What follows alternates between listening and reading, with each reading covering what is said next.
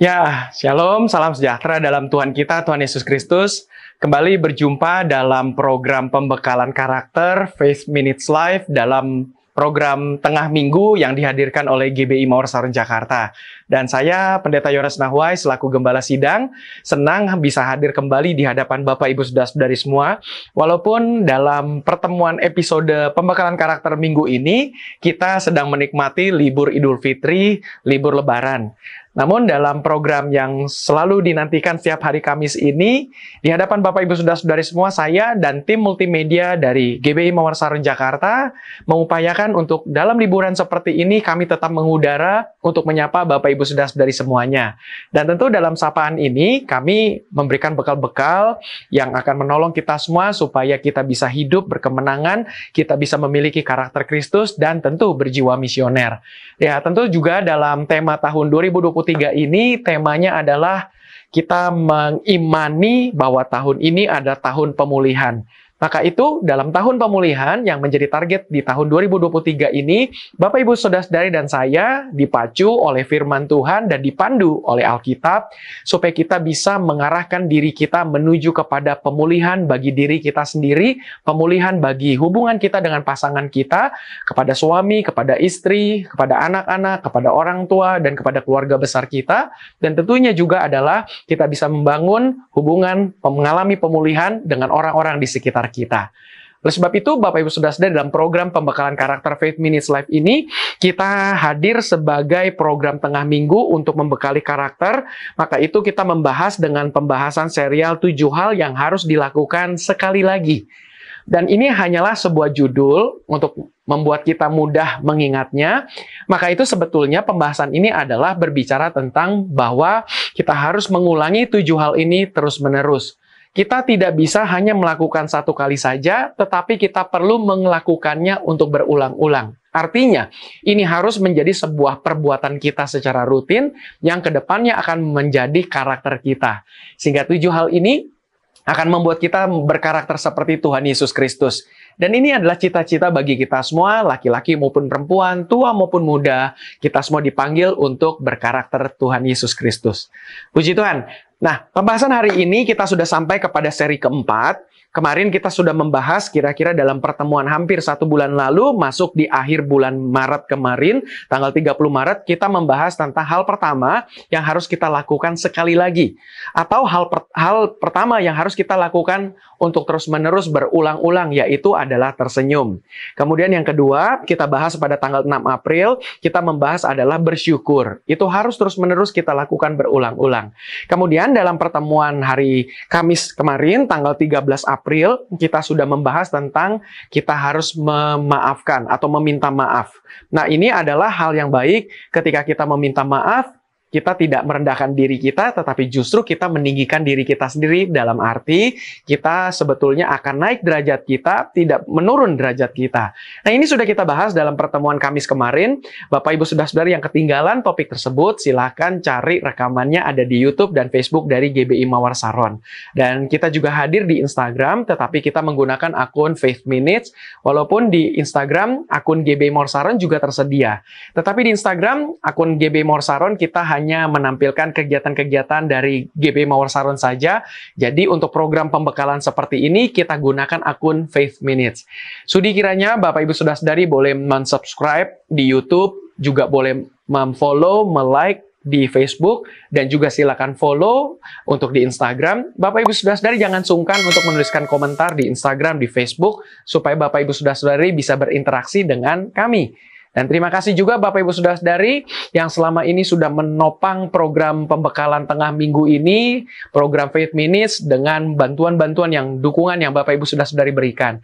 Maka itu di layar Bapak Ibu sudah dari bisa melihat ada QR code yang Bapak Ibu bisa screenshot, simpan di galeri atau yang kemudian hari bisa dipergunakan untuk memberikan dukungan kepada kita semua bila kesempatan itu Bapak Ibu memilikinya. Puji Tuhan. Nah hari ini ada tiga alasan mengapa sekali lagi kita perlu mengampuni. Inti dari pembahasan ini, tiga hal ini tidak jauh berbeda dengan pembahasan hari Kamis yang lalu. Tetapi tentu ini berbicara tentang mengampuni. Kalau kemarin kita bahas tentang meminta maaf. Nah, ini sekarang adalah mengampuni. Pada saat orang meminta maaf kepada kita, kita perlu mengampuni mereka. Dan mengampuni ini tidak hanya satu kali saja, kita bisa melakukan berulang kali, bahkan terus-menerus, sehingga ini menjadi karakter kita. Saya teringat dengan sebuah kejadian di dalam kitab Injil ketika Tuhan Yesus ditanyai oleh seorang dengan pertanyaan guru, seberapa banyak kita harus mengampuni orang lain? Apakah tujuh kali? Jadi dari pertanyaan orang ini, dia mengatakan angka tujuh. Angka tujuh adalah angka melambangkan kesempurnaan bagi orang Yahudi. Artinya, ini adalah gambaran bahwa aku bisa melakukannya terus-menerus untuk melakukan pengampunan ini. Tetapi Tuhan Yesus ternyata menambahkan lagi, bukan tujuh kali saja, tetapi 77 kali tujuh. Artinya, betapa banyaknya jumlah tersebut. Ya, Tentu bagi kita semua mungkin kita bisa menghitungnya 77 kali 7, tetapi sesungguhnya ini bukan bicara tentang jumlah angka, 77 kali 7, tetapi sesungguhnya Tuhan Yesus mau menggambarkan bahwa mengampuni itu adalah sebuah perbuatan yang harus dilakukan terus-menerus. Dengan kata lain, kita terus-menerus mengampuni orang. Nah, hari ini dalam episode ini saya menghadirkan yang pertama alasannya mengapa kita harus mengampuni sekali lagi. Mengapa kita harus mengampuni terus-menerus dan berulang-ulang? Karena alasan yang pertama, mengampuni sekali lagi berguna bagi kita di hari ini. Hari ini yang sedang kita jalani akan berguna sekali apabila kita bisa mengampuni orang lain karena hati kita akan mendapatkan ketenangan apabila kita mengampuni. Sementara sebaliknya, apabila kita mendendam, menyimpan akar pahit, sayang sekali. Hari ini yang harusnya kita nikmati, kita jalani, kita menapaki proses karir kita menuju kepada keberhasilan, hari ini kita menikmati waktu-waktu kita bersama dengan orang-orang yang kita kasihi, tetapi karena kita tidak bisa mengampuni, maka sukacita di hati kita akan menjadi sirna. Kebahagiaan yang kita dambakan akan sulit tergapai. Maka itu Bapak Ibu Saudari, mengampuni itu sangat penting bagi kita sendiri di hari ini. Karena dengan kita mengampuni, kita akan menikmati hari yang sedang kita jalani ini. Puji Tuhan. Kemudian saya juga melihat bahwa dengan kita mengampuni, hati kita mengalami kekosongan dari segala akar pahit, dendam, amarah, dan hal-hal negatif lainnya. Maka itu akan, kalau kita mengampuni, ini akan membuat hati dan pikiran kita menjadi plong, menjadi enak, menjadi tenang. Kita mau beraktivitas, melakukan kegiatan apa pun, kita akan menikmatinya. Saya teringat uh, sebuah kisah ketika dulu saya masih berpacaran dengan istri saya. Saya waktu itu bersama dengan dia dalam kendaraan roda 4 dan saya menyetir kendaraan tersebut dan saya dalam suasana hati yang tidak tenang, suasana hati yang sedang uh, bete, bad temper atau bad mood, suasana hati yang sedang tidak enak, maka ketika mengendarai kendaraan tersebut saya membunyikan klakson kepada semua kendaraan yang berinteraksi dengan saya di jalanan. Maka waktu itu istri saya berkata kepada saya, kalau kamu membunyikan klakson kepada satu kendaraan, mungkin bisa saja kendaraan itu yang melakukan kesalahan. Tetapi kalau kamu mengelaksoni, membunyikan klakson kepada semua kendaraan, bisa jadi yang salah itu bukan mereka, tetapi adalah dirimu sendiri. Nah dari kalimat uh, tersebut, saya ditambahkan tingkat kedewasaan lebih lagi. Jadi dengan kata lain, perkataan tersebut sampai hari ini masih terus terngiang-ngiang di dalam benak pikiran saya. Padahal waktu itu kira-kira momen tersebut saya lupa di tahun berapa saat kami berpacaran. Saya mulai berpacaran dengan istri saya itu di tahun 2004. Kemudian di tahun 2004 itu sampai sekarang sudah 19 tahun kami berkenalan. Jadi dengan kata lain, eh, saya tidak tahu apakah 19 tahun lalu, 18 tahun lalu, 17 tahun lalu, tetapi intinya adalah ini sudah terjadi lebih dari 15 tahun lalu. Dan ini membuat saya menjadi semakin memaknai hidup ini lebih mendalam, yaitu bahwa sebetulnya sama seperti pembahasan hari ini tentang mengampuni. Jadi kalau suasana hati kita sedang tidak baik, kita punya dendam, kita punya amarah, kedengkian, maka dampaknya hari ini kita tidak menikmati momen-momen yang harusnya kita menikmatinya bersama dengan orang-orang yang kita kasihi. Nah, oleh sebab itu Bapak Ibu Saudara-saudari, mengampuni itu sangat penting dan berguna bagi diri kita sendiri. Saya rasa Bapak Ibu sudah sedih kalau sebagai jemaat GBI Mawar Saron Jakarta sudah rutin mengikuti khotbah setiap hari Minggu dan saya ingat sekali dalam khotbah Minggu pun beberapa kali kita terus mengatakan bahwa memberikan pengampunan atau mengampuni itu bukan berguna bagi orang yang kita ampuni. Tetapi berguna bagi diri kita sendiri. Karena dengan kita mengampuni, kita melepaskan amarah, melepaskan dendam, melepaskan akar pahit di dalam hati kita. Sehingga hal pertama yang kita dapatkan dalam episode pembahasan hari ini, yaitu adalah hari yang sedang kita jalani pada hari ini, kita akan menikmatinya. Puji Tuhan. Yang kedua adalah mengampuni itu berguna bagi hari esok. Karena dengan kita mengampuni, ini akan membuat hati kita tenang di esok hari. Walaupun hari esok belum kita jalani, tetapi di hari esok itu kita sudah menabung ketenangan hati di hari esok. Contoh, Ketika kita memiliki dendam, amarah, dan kita tidak rela mengampuni, tidak mau mengampuni, maka ketika misalnya kita berinteraksi dengan orang-orang yang selalu berjumpa, contoh di sekolah, di kampus, uh, di tempat kerja, dalam keluarga kita, lalu kita berkata bahwa, aduh besok kerja lagi, saya akan ketemu dengan orang yang saya tidak suka ini, dan saya tidak perlu mengampuni, maka sesungguhnya kita sudah menabung ketidaksukacitaan di hari esok. Karena pada saat kita berjumpa dengan orang tersebut, di hari ini kita sudah membayangkan, aduh hari esok lagi, minggu depan lagi, dan seterusnya. Jadi sebetulnya, mengampuni itu sekali lagi berguna bagi diri kita sendiri.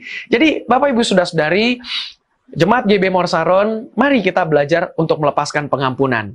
Karena berguna bagi hari ini, berguna juga bagi hari esok. Karena hari esok juga adalah bagian yang harus kita jalani untuk kita menapaki keberhasilan dalam hidup ini.